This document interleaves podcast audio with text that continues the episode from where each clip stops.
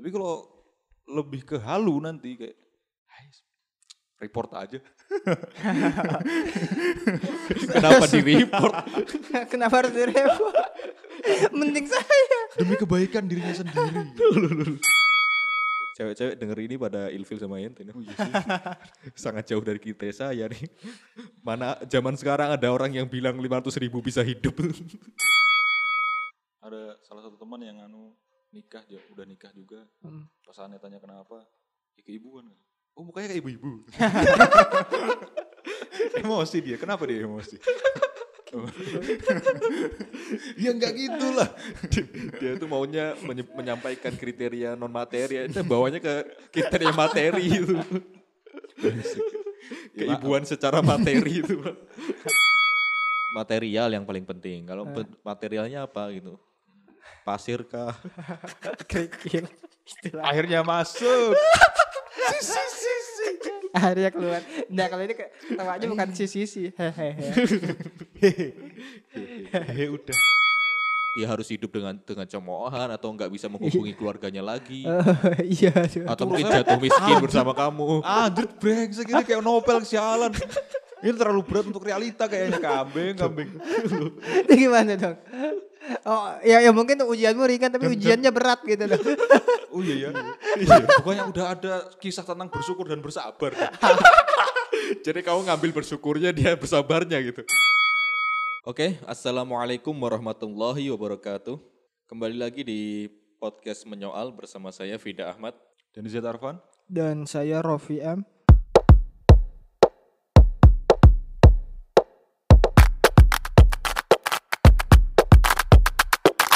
Saya nggak punya basa-basi, langsung aja ke Oh, tema gitu. kita Iyalah. hari ini. Kita mau ngomongin ini ya. Beberapa waktu lalu rame lagi soal ini ya. Mendebatkan Kriteria. kriteria ideal calon pasangan. Kalau dulu kan yang viral pertama itu kan ada cewek satu ya di TikTok tuh. Sekarang tuh kayak semacam media sih yang buat survei gitu Oh iya. ke cewek-cewek urban gitu. Kira-kira kriteria idealnya apa? gitu. Dan juga ini pertanyaan yang biasa nggak sih kayak misalnya di interview atau wawancara podcast gitu kriteria calon gitu tuh kayak udah biasa banget ditanyain dah. Kayak orang tuh pengen tahu aja gitu. Dia tuh sukanya cewek yang kayak gimana atau cowok yang kayak gimana gitu. Iya sih, apalagi uh, uh, publik figur yang Iya, belum figure. menikah gitu. Nah, itulah. Tapi ini yang bikin rame sebenarnya karena standar kriteria yang disebutkan tuh kebanyakan material gitu. Oh iya. Kayak yang pertama tuh kan ya enggak juga. Kalau yang pertama sih bukan karena lebih ke materialnya, lebih ke terlalu banyak gitu. Iya sih. Apa spek nabi? Mintanya spek dewa. ya. Tapi kalau yang di video kedua yang rame itu ya hal yang paling banyak disebutkan salah satunya adalah gaji gitu. Oh iya. menetapkan standar material. Soal standar material tadi ya, kalau kalian sendiri ngeliatnya gimana? Standar materi. Berarti ini bebas ya? Maksudnya Ya, dari cewek ke cowok atau cowok ke cewek ya? Umum Iya. ya? sebenarnya stereotipnya kan lebih ke yang sering menetapkan standar material kan cewek ya. Eh? Iya dong. Oh iya.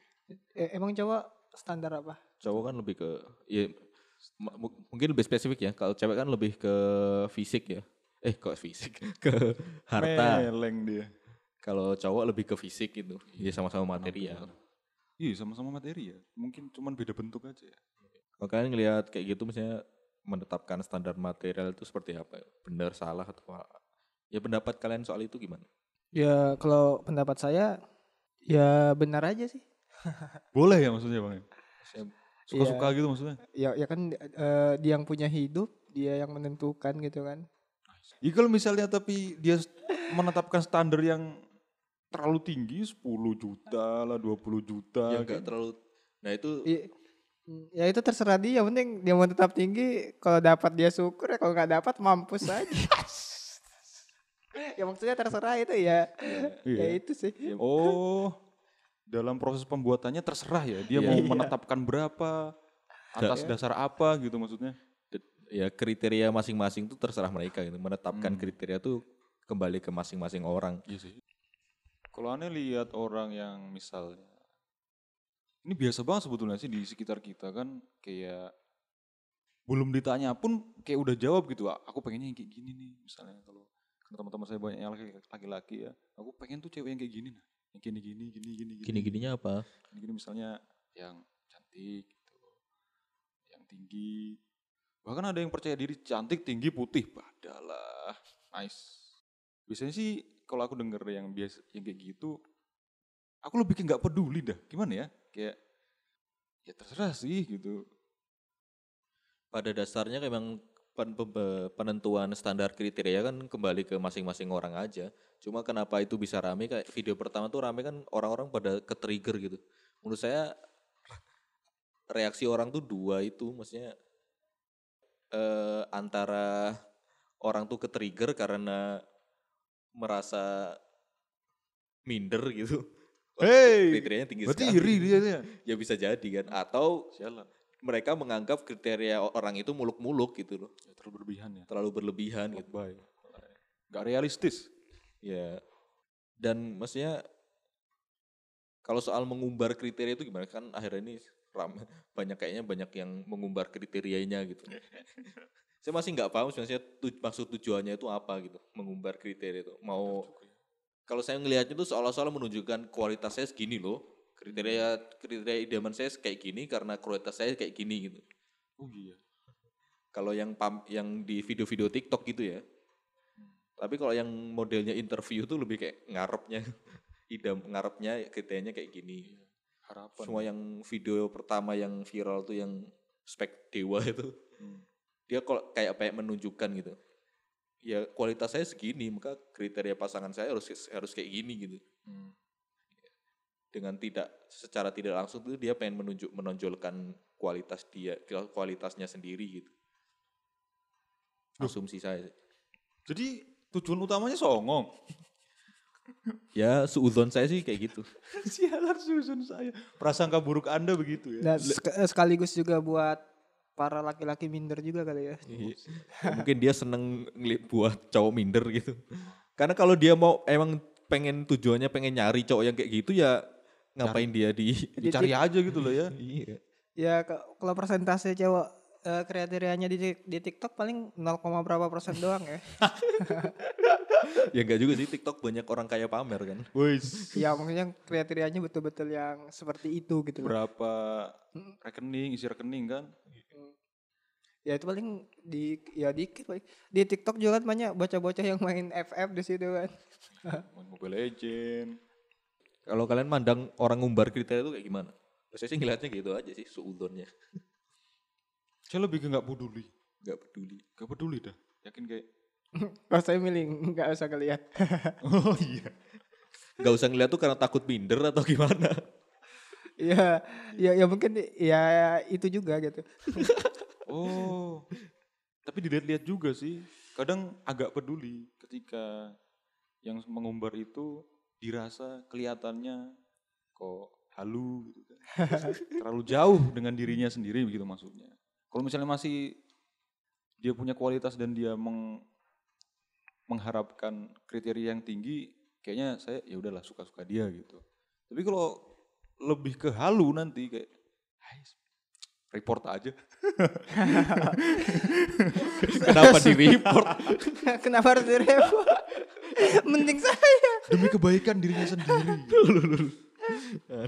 Ketrigger Anda ya. ya enggak ke trigger nanti itu karena pada suatu hari itu akan menghantam dia pasti. Ya kalau ternyata emang kualitasnya dia segitu gimana? Oh ya udah suka-suka dia. kan kalau saya lihat sepertinya potensi dia tidak setinggi itu gitu kan. Dari mana Anda lihatnya? Ah ya dari berbagai sisi. Ya, saya- So tahu aja sebetulnya. Cuman ya gitu. Iya. Karena pada akhirnya kebet kepentok yakin dah. Terus kalau misalnya kamu report alasannya apa? enggak sih itu aja. Tapi kenapa di video kedua yang saya nggak tahu sih ini ramainya seberapa, cuma saya anggap ramai karena muncul terus di timeline saya gitu, di feed. Itu kebanyakan matok materinya ya kan. Matok materinya tuh gaji minimal 10 juta. Yang paling kurang ajar tuh di yang akhir tuh bilangnya "Oh, saya mah nggak banyak aja, sederhana aja. Ya minimal 20 juta. Dia udah pakai yang lainnya kan ya 10 juta dia nggak pakai embel-embel. Ini pakai embel-embel sedikit sederhana. Namanya nyebutnya 20 juta. Iya, gitu. makanya itu kan mereka tuh nyebut 10 tuh habis hitung-hitungan kan. It- Hitung-hitungan gimana? Ya hitung-hitungan misalnya skincareku segini, buat makan segini, itu kan kalau nggak salah tuh itu ada hitungannya bukannya anu, bukan dari ruang kosong coy. Uh, sembarang. Datang berdasarkan riset ya. kebutuhan itu Kebutuhan. kebutuhan. Kenapa Jadi- aku belain mereka ya? Jadi menurut Anda sebenarnya kalau cewek matokin material itu sebenarnya ber- sangat beralasan gitu ya. Beralasan. Wih, wih. Ber- beralasan. Iya. Tapi kenapa kenapa 10 juta? Jadi menurut Anda emang standar hidup sekarang tuh 10 juta gitu. Enggak sih. 500 aja hidup kalau mau hidup doang lo ya. Hidup aja. Asal hidup lo. Cewek-cewek denger ini pada ilfil sama ente nih. Oh iya sih. Sangat jauh dari kita saya nih. Mana zaman sekarang ada orang yang bilang 500 ribu bisa hidup. Kan lu mau bilang hidup aja coy. Hidup doang lo. ya hidup kan kata hidup kan bukan cuma survive kan, meliputi ya kehidupan dengan segala aspeknya, kuota internet, Skincare. skincare, op, Operasi jajannya. plastik. Operasi plastik. Ya 500 tuh itu kan beras. Tahu. Tempe. Ya direbus aja tahunya. Gak usah beli minyak kan. Ya, kembali lagi ya hak masing-masing untuk menetapkan standar kriteria. Tapi saya lebih penasarannya kenapa patokannya segitu gitu, 10 juta gitu. Ya iya berdasarkan perhitungan. Berdasarkan perhitungan. Kan 10, 10 juta tuh hitung-hitungan yang enak nominal gitu. 10, 20. Kalau kalau misalnya itu ya. Nggak, kalau misalnya nominalnya 7 juta 865 ribu kan agak kepanjangan gitu. Atau 899 gitu. Dikira biar murah apa gimana? Kalau kalau 899 kan dikira jualan HP. Iya. 999 gitu. Sialan. Kalau 99 tuh kayak itu, kayak promonya promo em, eh, marketplace gitu. Maunya apa? Maunya 7 atau 8 kan? Padahal kalau mau lihat realita kan Oh iya, gaji orang rata-rata berapa dah? ya Wak. UMR aja lihatnya. UMR ya? UMR. UMR paling tinggi tuh Karawang tuh masih 4 4 4 koma loh. Empat setengah. Empat setengah itu gaji pokok dan lain-lain sudah. Udah itu udah satu kesatuan. Satu kesat- satu kesatuan. Saya agak lupa sih misalnya cewek-cewek yang di interview ini dari latar apa kayaknya jelas latar urban ya. Tapi maksudnya apakah mereka juga punya gaji segitu atau Nah ini makanya kan ada orang-orang yang mengharapkan mengumbar kriteria tapi mepet ke halu gitu loh. ya ada dua tipe ya orang yang mengumbar kriteria, menetapkan kriteria itu antara ngarep sama emang pengen sekufu, pengen jaga Oh iya, Menjaga mata ada pencarian. juga yang aku juga pernah baca sih. Dia kriterianya tinggi tapi setelah dia nganu kriteria tinggi dia tulis tentang dirinya sendiri. profilnya dia Nah, gitu. ya. profilnya dia anjir gajiku segini, udah punya rumah sendiri, aku kerja di sini, badalah. Ya itu Nice. berarti berarti tipe kedua gitu. Aku mau nge-report minder tangannya. Tapi kan setiap setiap kriteria itu kan itu maksudnya eh, kriteria itu tidak hadir dari ruang kosong ya, ada latar belakang dan lain-lain. Mungkin setiap individu yang eh, beda umurnya berbeda, kriterianya juga berbeda dong. Yang kriterianya 10 juta mungkin ya usia-usia di atas 25 kayaknya dia. Gue kira tadi ente mau ngomong di bawah 15. Udah bawah 15. Gak, gak butuh duit mereka ya. di bawah 15 gak butuh duit. Mereka butuh pasangannya punya Satria FU. Satria FU jadi Satria FU astaga gak Satria juga lah udah jadul. Si BR lah sekarang ya astaga. Kau hidup zaman CBR lagi. kau, kau hidup zaman apa? NMAX Satria FU. Oh iya Sekarang NMAX lah NMAX ya. udah. NMAX lah. NMAX. Atau Vespa Matic sekarang. Scoopy Scoopy. Scoopy, proletar aja. Scoopy. Bit bit bit. Nah. Ya kan eh, yang gaji 10 juta tuh mungkin itu orang-orang yang mungkin usia sudah usia-usia kerja di Yang sudah mengerti, urban. realita ya. ya mungkin Iya. usia di atas 25 sampai 35 gitu. Iya. Kalau di kalau di bawah 25 mungkin kalau ditanya kriterianya ya mungkin berbeda kali ya. Iya. Apalagi yang Yang penting sayang sama aku gitu. apalagi yang di atas 40 ya. Kriterianya Tapi- satu aja, yang mau gitu. Eh, nggak tahu. Oh, itu yang Eh, lain. ka- kamu kok nanya yang di bawah 15 untuk apa coba? kan soal kriteria Iya. tadi. Ba- baru kema episode pertama kita bahas nikah dini. Gak ada urusan, bukannya mau nyasar ke sono-sono kampret. 15 itu nikah anak gitu. Nikah. Maksudnya, Ya, maksudnya kan Nah, kalau kalau kita ngomongin kriteria aja ya. Emang Siapa ke- siapa anak si anak siapa yang kamu incar? ingat orang-orang di luar sana kalau ada yang masih di bawah ditanam dulu, disemai, di ditanam kocori, dulu? dikocori lagi. Kok ditanam dulu? Dipelihara. Anjir dipelihara. Kok ditanam? Kan kita bagikan tumbuhan lah. Masa ente, ente dipelihara kayak hewan Udah aja. dirawat, dirawat. Oh ya dirawat. Kalau kok ditanam tuh malah ngeri loh. Kan bibit kita nganunya, Iya coy. bi- bibit itu kan Ditanam lah. Ditanam, disemai. Seperti kan tumbuh. dia sudah tumbuh. belum lah. Dirawat. Ih, bibit ya. Kagak perlu ditanam. Lanjut lah. Lanjut gabut kambing. Nanamnya luas buatnya, Ban. Boleh. Kalau misalnya di dirawat, disemai.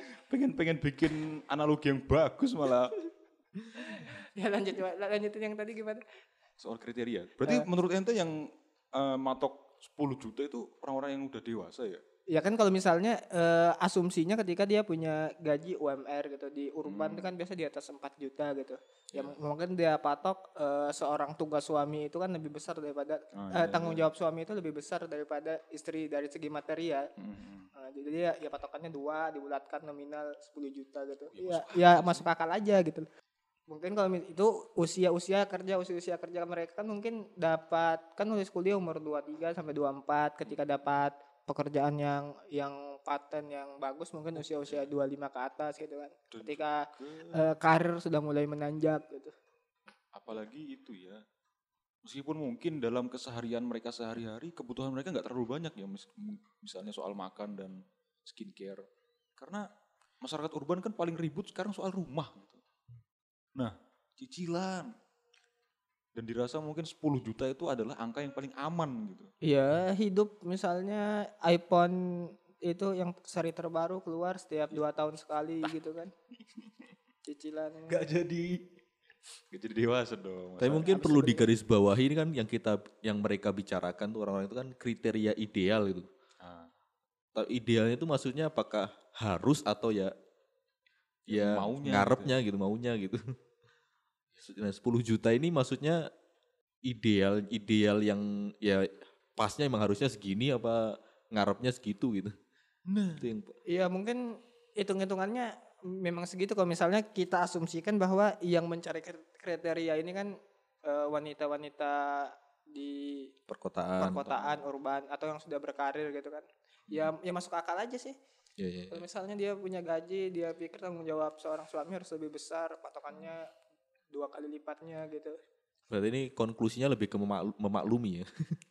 Pengertian sekali kita ya. standar materi ini. Cuman eh bicara apa kita lihat lagi setiap individu itu kan berbeda-beda bahkan dalam jenjang umur aja berbeda dalam jenjang dia tinggal di mana lingkungan di mana itu juga berbeda-beda gitu kalau kita nyari eh istri di tinggal yang di Dubai Uni Emirat Arab mungkin lebih Dubai udah Emirat.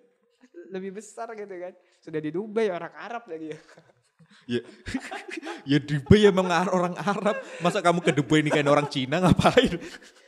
Ngapain jauh-jauh? Kampung sebelah juga ada. enggak maksudnya kan orang Arab kan terkenal susah juga gitu ya habis itu di Dubai Itu tadi soal standar material ya. Maksudnya kalau standar material kan bisa diusahakan gitu misalnya. ada- Tapi kalau soal standar non materi gitu menurut kalian gimana? Saya misalnya nggak merokok, nggak merokok kan termasuk non materi ya. Attitude-nya baik gitu. Unggah ungguh. Kayak terpecah nggak sih? Ada yang misalnya ah biasanya itu kalau public figure mereka nggak nggak ada nggak ada bahas-bahas soal materi kalau ditanya tentang calon. Lebih ke non materi. Eh, mesti lebih ke non materi pasti kayak kok pencitraan lah ya itu adalah sesuatu yang menyenangkan untuk didengar Kenapa? Ya sepertinya malah justru non materi lebih gampang buat dicapai nggak sih Ya enggak lah. oh enggak bukannya apa namanya karakter tuh justru susit sulah susah dirubah ya Nah, malahan karakter yang non materi itu malahan itu apa ya? eh sesuatu yang tidak pasti gitu. Kan sifatnya masih abstrak. Ya, ya maksudnya gini loh. Saya pingin seseorang yang dengan yang non materi ya, yang orangnya baik. Baik itu kan terlalu apa ya? Baik baik itu gimana gitu atau ya? setia setia sendiri itu kan sebenarnya ya maksudnya dia bisa ya maksudnya di, keluar dari kriteria setia itu ketika misalnya Ngapain? eh, ngapain berselingkuh kayak gitu itu juga se- sebenarnya kan eh tidak terlalu susah masih Gak jelas eh, maunya apa sih gitu. iya gitu lah yang non materi itu kayak kayak apa ya Tapi kan kayak apa ya? Kalau aku dengernya sih kayak lebih wise aja, wise lagi. Lebih malahan gitu loh eh, misalnya kamu dengan kriteria orang seseorang tuh bisa mungkin lebih besar peluangnya untuk maju ketika dia mendapati kriteria-kriteria non materi daripada yang materi gitu kalau materi kan Ah, lebih, jelas kalau di- non materi itu kan banyak orang ah saya kayaknya merasa gini atau saya dekat-dekat dengan kriteria itu gitu saya kayaknya agak dekat kriteria sama apa karakter saya sama itu gitu kan. kambing ya. Berarti intinya saya miskin dan saya merasa baik gitu. I- iya, maksudnya kamu kok dibandingin sama karakter yang eh, materialistik, eh, materialistik, material gitu. Nah, mungkin aku lebih ngambil sudut pandang anu sih. Kalau ada misalnya kan cewek gitu, dia memberi membeberkan kriterianya lebih ke non materi gitu tuh kayak ah mungkin itu juga ada di dirinya gitu loh. Jadi dia mencari ya sesuai, sesuai tadi kan masyarakat urban tadi dikali dua. Hmm. Nah mungkin dia udah punya itu dan dia pengen berjuang dengan orang yang satu Tipe orang beda-beda sih. Ada orang yang mengharapkan dari orang pasangannya tuh sesuatu yang nggak ada dari dirinya gitu.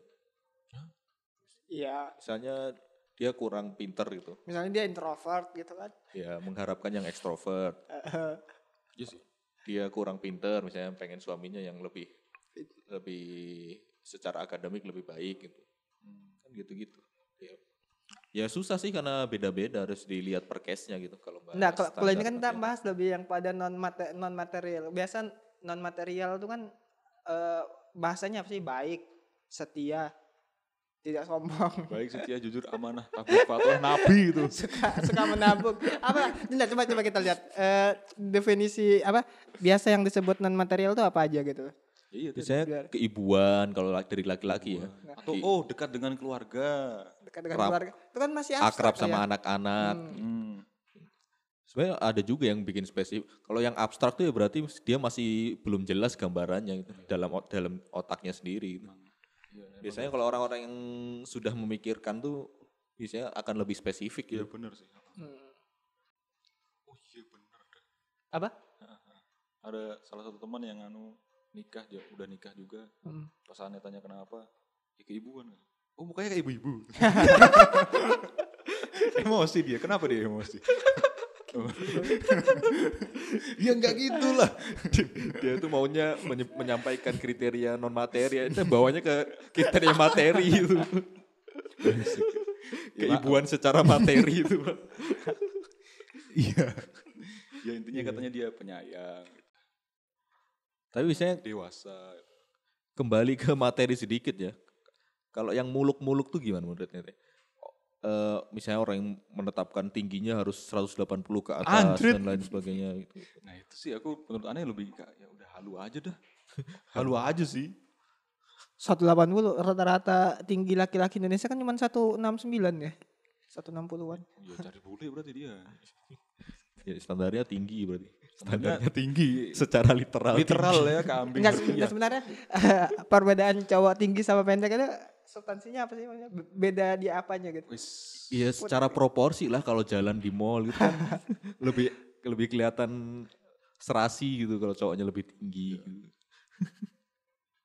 Tapi kayak gitu penting gak sih maksudnya buat kalau cowok kayaknya nggak pernah men- mendulikan ini ya tinggi badan ya. Tinggi badannya cewek ya? Enggak sih. Kayak mereka tuh mau cewek tinggi ya bagus, cewek pendek jadi imut gitu aja sih. Ya enggak juga ini emang subjektif sekali sih soal kriteria. Kita bahasnya juga nggak terlalu ngalor ngidul ya. Soal standar non mat mungkin gini aja deh. Kalau menurut kalian kriteria yang paling penting itu apa? Baik terserah sih mau materi atau non materi gitu. Yang paling baik ya Iya materi ya, Eh, material. gimana gimana? Oke, gimana Mas? ya ya ya itu kriteria material karena kan kita hidup dalam di dunia yang bentuknya fisik gitu. Jadi Ya dalam material tuh penting gitu. Wujudnya harus ada dulu. jadi maksud ente penting material itu wujudnya harus ada. Buk- bukan semacam roh halus gitu ya. tak kira Pengen ngomong kasar gitu kan. Ya, iya, Mas. kita ya, kriteria saya material banget. Yang penting ada gitu. Yang penting berwujud. bener sih. Itu itu bener sih. Itu hantaman telak untuk orang-orang yang sok-sok tidak material. Pasti material. Calon kalian itu. yang yang penting ada gitu kan.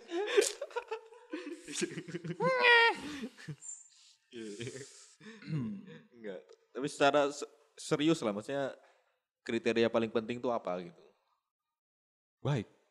Ayo bingung kan, bingung kan. Abstrak lagi. Pengen sebentar. yang spesifik gitu loh. Wait a second.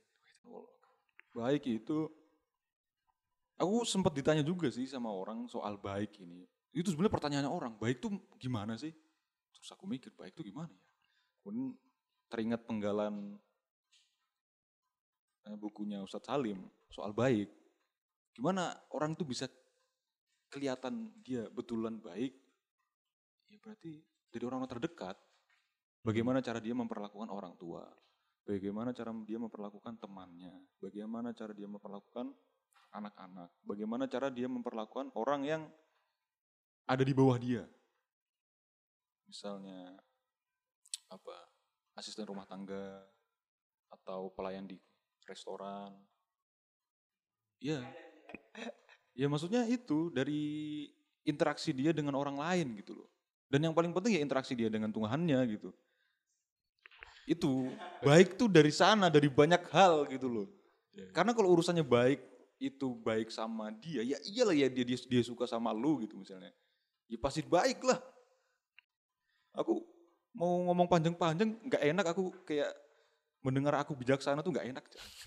Jadi Enggak pantas. jadi kriterianya apa dia? Dia orangnya eh, ba- baik, Ya baik tadi. baik. Dia baik dan udah tak jelasin baik tuh gimana kan, ya gitulah. Baik. Jadi Eh, fisik nggak penting ya, material nggak penting ya. Nanti-nanti lah. Betulan. Bisa nomor berapa kan? Nah, biasanya yang pengalamannya lebih banyak jauh lebih baik dia. balik lagi. Janda lagi nih. Ya silakan, Anda, Anda, Anda sekarang Anda. Janda biasanya baik kan. Hey, Kan lebih mudah meli- menilainya kan. Dia baik nggak sama anak-anaknya gitu.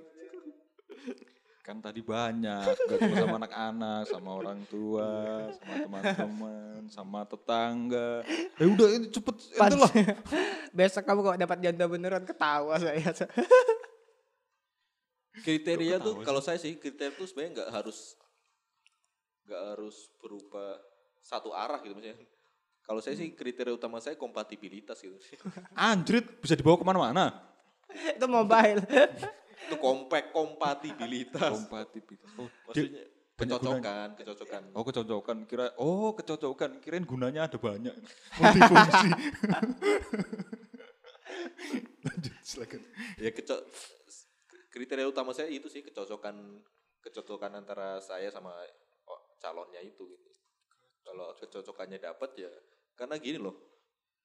Dapat ini lebih abstrak Nah, lagi. iya kan kambing. semua bisa dicocok-cocokkan gitu. Iya. Enggak, bu- kecocokan nah, bentuk konkretnya misalnya ya bisa di misalnya kalau selera humornya sama kayak gitu-gitu maksudnya yang spesifiknya gitu. Karena gini maksud saya eh kalau kita Biarin kok ketawa ini serius loh. loh ini penting. Emang kalian nganggap gak penting ya? Enggak lah, Enggak. Nah, saya nah, apa nyari kriteria. penasaran, kita penasaran. Ya. Enggak gini loh. Kalian tuh menikah tuh kan pengennya kan sebuah perjalanan seumur hidup gitu loh. Oh iya jelas. Dan ketika kalian udah tua nanti nenek ke- kakek peyot kan udah nggak ada hal yang tersisa dari pasangan kalian. Kecuali- Fisiknya udah udah mere- meredup, mungkin kecemerlangannya udah turun, udah materinya udah lapuk. materinya udah lap, udah bapuk gitu. yang tersisa di, di antara hubungan kalian kan saling berbicara satu sama lain gitu loh. Kalau kalian nggak punya kecocokan kan ngob- ngobrol nggak asik sama istrimu, apa yang mau diharapkan gitu. Kalau saya sih mikirnya ke situ gitu. Dalam sih. Sih dalam. Enggak serius aku. Cuman aku sih betul itu sih kalau kalau saya melihat ya, hmm, awalnya berpikir memang kecocokan itu penting. Cuman kan kalau misalnya presentasi orang yang setelah nikah jadi nggak cocok gitu kan itu kecil sekali. Jadi maksudnya semua, semua orang ketika dicocok dicocokkan kemungkinan cocoknya itu tetap masih besar. Oh, jadi gitu. maksud Anda ketika sudah bersatu, frekuensi itu akan Iya. saling menyambung Iya, saling menyambung. secara otomatis. Iya, iya mungkin ada yang gagal dan nggak cocok, tapi itu sedikit. Kemungkinan besar untuk cocok tuh kemungkinannya besar masih besar sekali gitu. Ya maksudnya berarti kan itu su- sudah tersaring gitu loh ketika ketika di awal kan dia menemukan jodohnya kan berarti ada kecocok kan ada kecocokan gitu. Iya.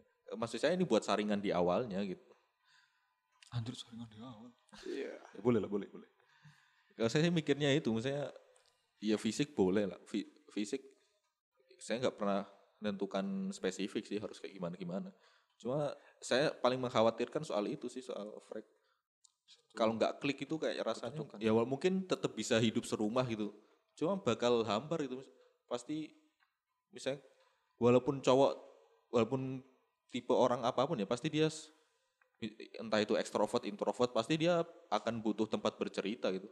Dan kalau istrimu nggak nyambung diajak cerita kan akan berat juga. Berarti kamu ntar nyari cari pelarian ke luar gitu. Ya nggak masalah kalau pelariannya aman aja ke temen atau apa. Tapi saya berharapnya sih yes se- sebagai suami istri kan udah saling melihat fisik sama lain ya kalau bisa bisa saling membuka hati sama lain gitu loh dan itu butuh kalau bagi saya butuh kecocokan gitu yang nyambung gitu frekuensinya cocok cin Cucok. terima kasih Guys, mau melambai tapi gagal. Kamu lagi. Oleh Kong Tulen. tapi itu tadi ya yang kriteria itu ya hanyalah kriteria gitu sering kali kan ketika ekspektasi kan ekspektasi kan kriteria kan sebenarnya ekspektasi ya Yes, harapan. ekspektasi kan sering dibenturkannya sama realita gitu nah kalau itu terjadi misalnya Ho- Hoki dapat. oh, kok gitu? nggak lebih ke sebaliknya gitu realitanya terlalu kejam gitu misalnya kalian nggak dapatkan kriteria yang kalian mau gitu batasnya kira-kira apa gitu Depresi. Enggak maksudnya bukan batasnya tuh apa gitu misalnya ya yang ada ajanya tuh apa gitu maksudnya. Hmm, Karena pasti ada hal-hal yang dipertahankan gitu ya. Iya, pasti ada kriteria yang dipertahankan. Nah, kalau kalian tuh kriteria yang dipertahankan tuh apa? Nah itu bedanya, kayaknya bedanya saya dengan Anda tadi ketika menjelaskan adalah, saya lihat tuh ente lebih deket ya. Emang lebih tua ente ya. Maksudnya ente lebih deket ke pernikahan itu. Jadi pemikiran Anda tentang itu tuh serius sekali loh. Kayak- Bahkan kalau menurutku tadi, kriteria yang paling penting buat Ane itu masih ngawang menurut Ane. Iya masih abstrak, masih itu masih jatuhnya masih ekspektasi kalau menurutku. Ya kalau pribadimu sendiri lah, misalnya kalau di kondisi kayak gitu, misalnya kriteria yang akan tetap kamu pertahankan apa pun kondisinya itu apa kira-kira? Batas bawahnya apa ya? Kalau saya saya nganggap kecocokan tuh batas bawah sih. Makanya batas bawahnya muslimah balik berakal. Selain itulah, selain itulah, itu itu itu, itu mungkin jelas gitu ya. Atau atau ya? cukup muslimah aja gitu. Udah. Orang gitu. Dari tadi tuh kayaknya kita belum dengar pendapat dia ada soal kriteria. Iya, kamu yang ada wujudnya aja tadi. Iya loh, wujudnya wujudnya asem sepak. Katamu kan tadi Ya masih yang abstrak sih, masih abstrak sih. material yang paling penting. Kalau ben- materialnya apa gitu? Pasir kah? Kerikil. Akhirnya masuk. Akhirnya keluar. Nah kalau ini ketawanya bukan sisi-sisi. Hehehe. Hehe udah. Udah lah live group aja kan gitu. Blokir sekalian. Ya gitu tadi ya soal kriteria. Iya. Tapi mungkin ini juga tadi soal kufu dan sekufu ya.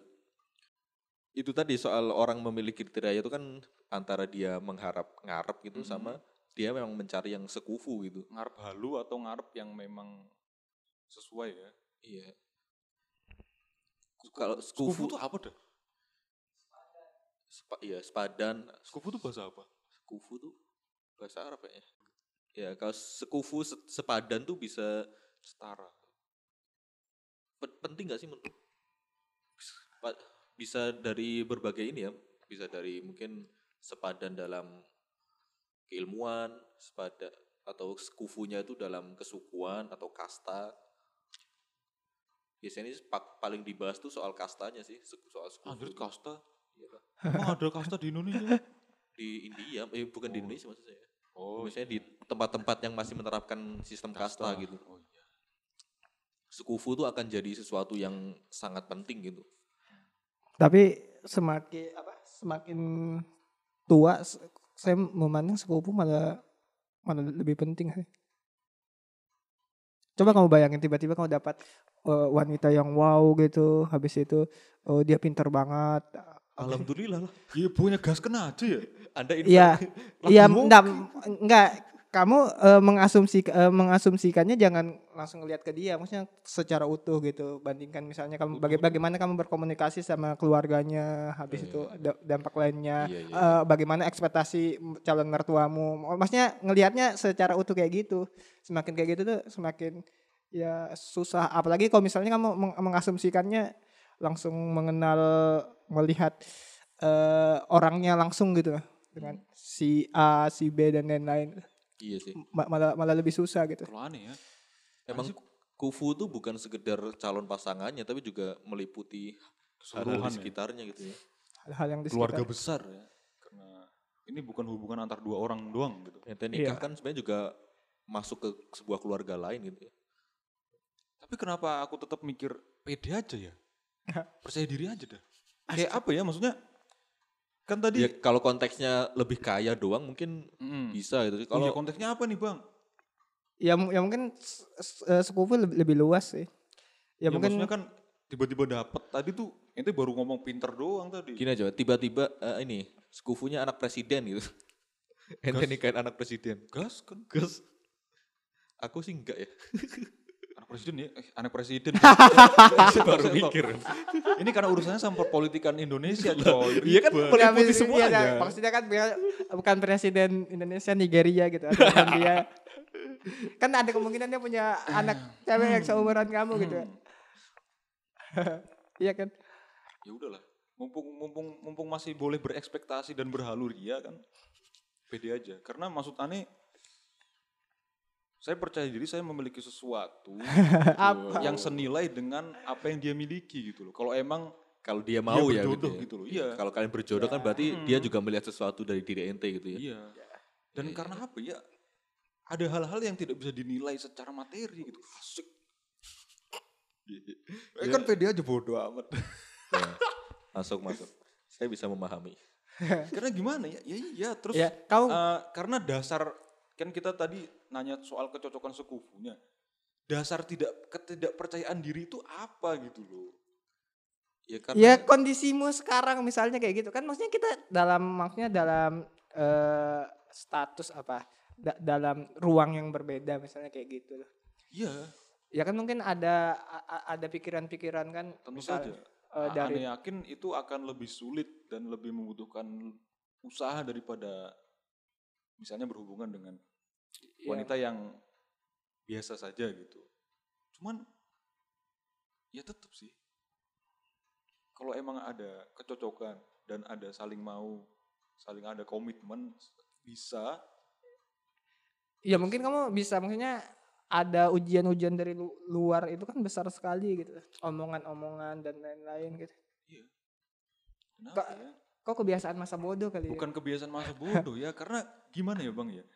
Kita tuh sering membatasi diri kita tuh nggak sesuai dengan kemampuan kita yang sebenarnya. ya iya gitu. enggak terus juga otomatis ketika ki- kita dengan orang yang maksudnya dengan status yang lebih tinggi otomatis ekspektasi mereka juga berbeda apa lebih tinggi daripada kita jadi kita dituntut jauh lebih keras Iya sih. mengikuti nah kalau tuntutan itu kan eh, menjadi beban Tentu. Makanya gimana? Kok kalau kayak gitu apa bersikap masa bodoh atau berjuang me- men- apa memenuhi Tentu kita lihat ekspektasi itu Oke, yang saya kasih konteks lain. Coba ente ganti sudut pandangnya misalnya. Ente coba perhatikan dari ceweknya. Misalnya kalau di Jepang tuh kemarin ada berita putri kerajaan pewaris tahta itu nikah sama orang iya, biasa sama orang biasa ya. dan dia harus meninggalkan statusnya gitu. Ente masih gas nggak kayak gitu? Mungkin kalian akan bahagia tapi kan cewek perempuan itu akan kehilangan status status kehidupannya gitu. Kayak Megan, Megan sama itu ya. Megan sama Pangeran Harry. Ente masih akan gas gak kayak gitu? Oh, Ini itu masih pembahasan itu- sekufu. Itu statusnya jelas banget ya. Bangsawan dan rakyat jelata ya, padalah macam novel aja. Itu lebih berat lagi sih. Itu lebih berat lagi. tergantung ininya. Berarti kan maksudnya tergantung kufunya itu dalam hal apa gitu. Iya, kubunya dalam hal apa sih? Gak tahu kenapa kalau urusannya perpolitikan tuh berat banget di kepala aku ya. Soal kekuasaan tuh bah. Nah, apa kamu nikahi anak presiden gas aja. Sebenarnya sudut saya bukan gitu. Misalnya kamu ngelihat perempuannya perempuannya itu kan bakal misalnya pasanganmu kan berarti kalau menikahi dirimu kan akan kehilangan banyak hal gitu misalnya kalau beda kasta aja misalnya dia kastanya lebih tinggi gitu kalau dia nikah sama kamu kan perempuannya juga ke- kehilangan banyak hal ini bukan cuma soal dirimu gitu loh M- Mungkin dia akan malu seumur hidupnya gitu kan. ya, ya mungkin nggak malu karena dia udah memilih bersamamu gitu cuma pasti kan dia tetap misalnya jadi cemok dia harus hidup dengan dengan cemoohan atau nggak bisa menghubungi keluarganya lagi Iya. atau mungkin jatuh miskin bersama kamu Anjir brengsek ini kayak novel kesialan. Ini terlalu berat untuk realita kayaknya kambing, kambing. Ini gimana dong? Oh ya ya mungkin ujianmu ringan tapi ujiannya berat gitu dong. Oh iya ya. Iya, pokoknya udah ada kisah tentang bersyukur dan bersabar. Jadi kamu ngambil bersyukurnya dia bersabarnya gitu. Dan Itu bukannya egois ya. bukannya Iya, itu egois itu. karena dimulai dari komitmen. Dari awal kan ini komitmen berdua. Kan kita tidak memaksa dia untuk ikut Iya, kita. iya coy. benar walaupun komitmen walaupun ceweknya setuju walaupun mungkin dia bahagia bersama tapi kan dia tetap kehilangan banyak hal gitu. Tentu saja, tapi kan dia juga akan mendapatkan banyak hal dengan saya. apa tuh? Kita, kita jangan jangan aneh lah. Kita katakan orang aja lah. ya ya ya. Jalan. Kan kita tadi nganunya ke Putri tadi, Putri Jepang sama orang itu kan. ya mungkin dia cuma dapat cinta gitu. Iya dong. Apa? Kekayaan dia meninggalkan kekayaan. Status sosial dia meninggalkan status sosial. Kan yang tadi- tersisa apa? Tadi udah udah terserempet tadi. Ada hal-hal yang tidak bisa dihitung sendiri, coy. Iya. Apalagi dalam hubungan.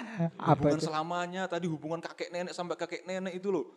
Hei, Belum lagi anaknya. Coba bayangkan anaknya tahu cerita itu. Ah, Anjing, kenapa ibu menikah sama orang ini sih? Saya jadi nggak jadi bangsawan. Dia- ka- kata anakmu nanti ini gara-gara bapak aku kok jadi aku sih? Anakmu bisa Pelakunya- jadi membenci kamu loh kalau kayak gitu. Nah, ini itu jadi Kalian terlalu halu bikin novel sana, kampret.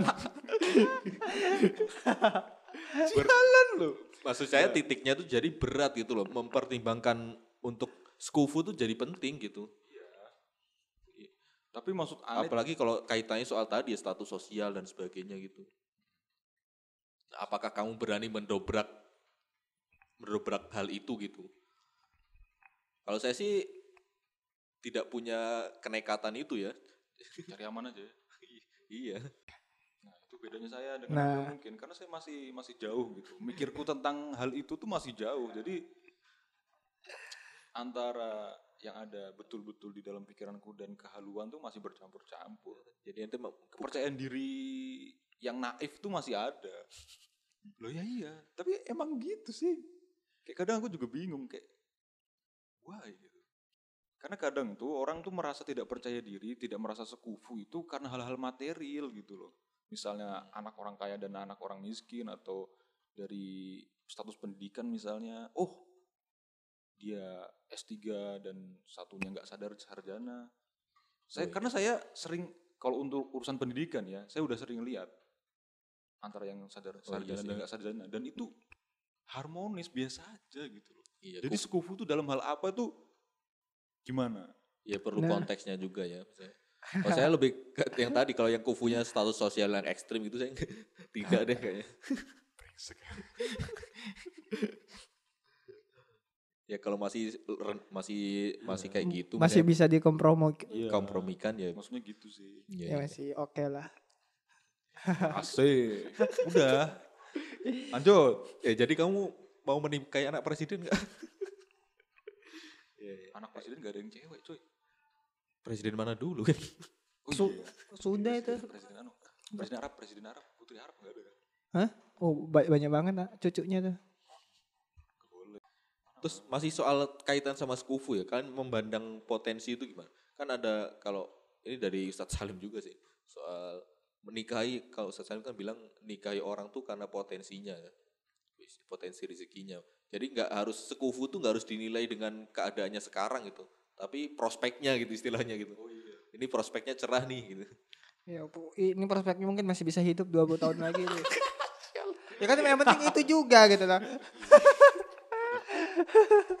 Nah itu juga penting loh, gimana misalnya istrimu kena judge tiga minggu lagi meninggal gitu, bakal tetap nikah.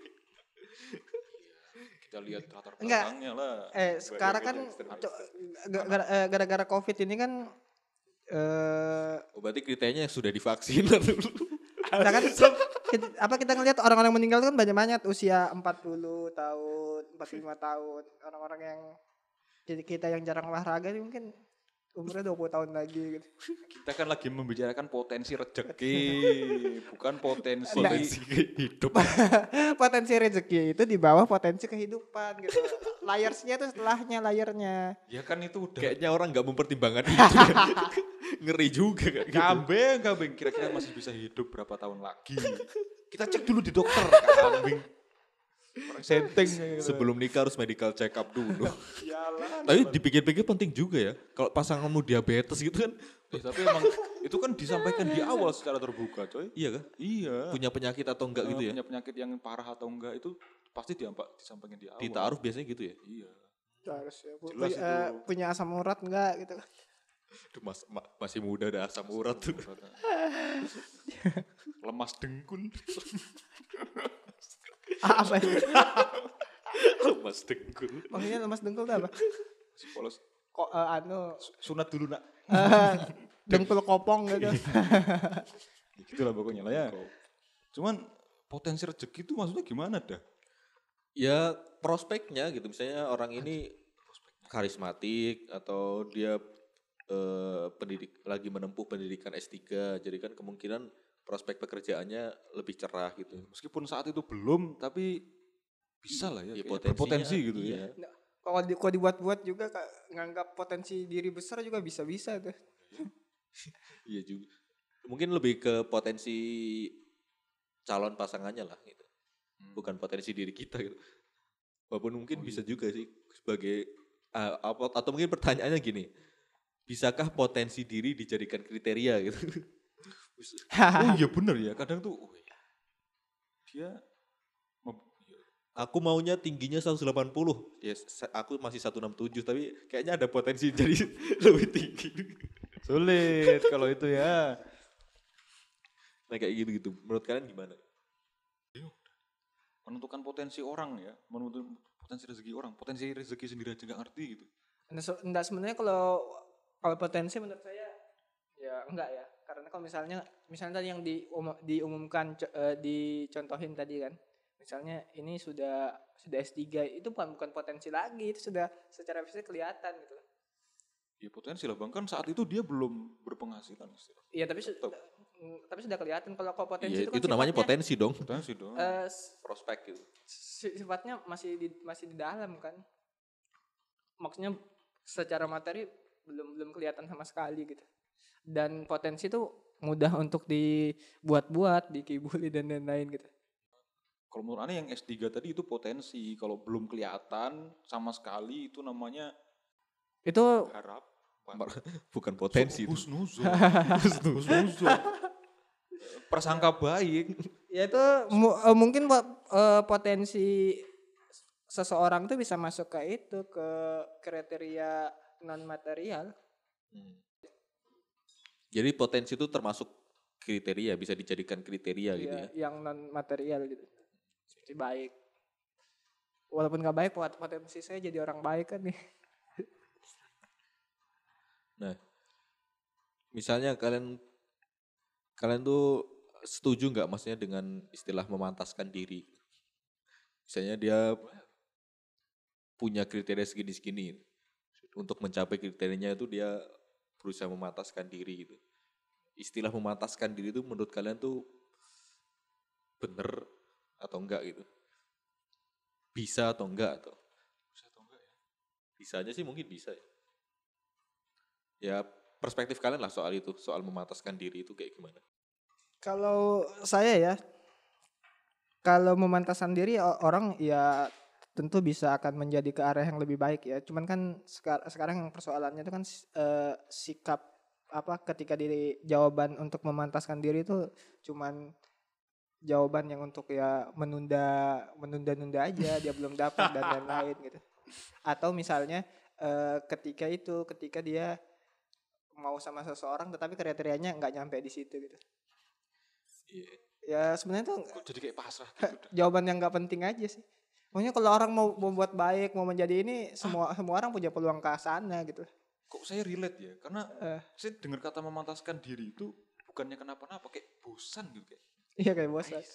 Ya kayak kayak nggak jawab- penting aja nggak- gitu. nggak ada jawaban lain kah gitu kayak. Gak ada istilah lain kah gitu. Tapi kan kalau tadi kan spesifik ya. Di pertamanya dia menentukan kriteria. Nah, dia pengen ke sana gitu. Dia sadar diri dia belum sampai sana, belum belum pantas untuk dapat yang kayak gitu. Terus dia pengen ke situ loh. Usaha untuk ke sana itu loh tadi. Konteksnya memantaskan diri tadi itu itu usaha itu, iya enggak? Ya. Ya Gimana? ya bisa jadi gitu. Eh, Cuman realita di lapangan tuh kan seperti jawaban-jawaban basi aja gitu. Jawaban-jawaban yang ingin menunda atau ya, ya, ya, jawaban yang ya begitu. Iya, iya, iya. Tapi kalau ini spesifik itu orang yang berusaha menjadi lebih baik dengan dengan dalih memantaskan diri itu usaha memantaskan diri itu menurut kalian baik baik atau enggak? Ya dijadikan motivasi gitu. Baiklah. Baik ya. Meskipun sepertinya itu adalah dorongan yang sangat lemah apa ya? Kayak memantaskan diri itu demi Masa apa? lemah itu naluri ya loh. Kawin kan? berkembang biak kan naluri dasar manusia. demi demi apa Nggak, gitu loh. ya Demi kawin. Tergantung sih dia memantaskan dirinya demi apa gitu. Demi apanya sih? Ya, demi lebih? nikah ya. Kan lagi bahas soal kriteria calon pasangan. Demi sepadan sama pasangannya. Bisa nggak ya? Kayaknya dia bakal terhantam realita dah. Kalau aku lihatnya sih gitu ya. Kayaknya dia bakal terhantam realita dah di tengah perjalanan memantaskan diri. Iya, iya. Tapi itu balik lagi ke kriterianya sih kalau kalau kriteria saya kan sebenarnya nggak muluk-muluk jadi nggak nggak perlu memantaskan diri itu. Nah, makanya. Yang apa adanya aja. Karena menurut Ani juga soal memantaskan diri ini kayaknya daripada memantaskan diri kita menuju dari bawah ke atas tuh kayak eh, proses untuk menjadi lebih baik itu terus menerus kita lakukan dan yang akan kita dapatkan adalah ya cerminan gitu cerminan dari diri gitu kayak kita mau melihat apa yang akan kita dapat sepertinya kita bisa lihat dari dalam diri gitu Tapi secara tidak langsung itu kan menunjukkan orang yang punya dalih memantaskan diri, lagi memantaskan diri kan berarti dia secara tidak langsung menunjukkan kalau dia tuh punya kriteria yang muluk-muluk ya. kriteria yang ketinggian gitu. kalau kriterianya biasa aja kan tidak tidak akan ada kata-kata memantaskan diri gitu. oh iya ya nggak perlu menjadi yang gimana gimana ya Emang terlalu subjektif sih maksudnya soal kriteria. beda beda beda beda Udah gitu aja. Ada yang mau ditambahkan? Enggak. ya mungkin kalau ada kirim pesan sama calon calonmu gitu. Oh mau satu-satu kalau gitu. Nah, Gak coba- aku doang lah. Eh, coba coba kamu kirim pesan coba tahu apa istrimu yang nanti apa istrimu istri masa depanmu nanti dengar gitu kan. Boleh tapi Kamu pesan satu-satu. di sini gitu. Satu-satu iya enggak. Ya kamu duluan. Asem kalau aku duluan kayaknya berasatku nggak enak dah. Ntar habis aku terus ditutup. Jalan. A- Ada nggak? Ada. Ayo, Bismillah dulu. Kepada siapa pun. Geli cuma dengernya. Sabar. Sabar ya. Oke. Oh, j- jadi kamu dia bersabar kamu bersyukur gitu ya. Kurang Emang ini mentalnya kayak gitu nih. Mental. Dia pengen bersyukurnya aja. Terus yang suruh bersabar ya. Ya Sabar dan syukur itu tidak bisa dipisahkan, saudara-saudara. Itu ada, selalu ada dalam kehidupan. Gak mungkin kita cuma merasakan salah satu. Oke begitu aja podcast penyoal. Saya Vida Ahmad Syuhada pamit. Dan saya Rofi M. Denizat Arfan. Yang selalu bersyukur gitu. Assalamualaikum warahmatullahi wabarakatuh.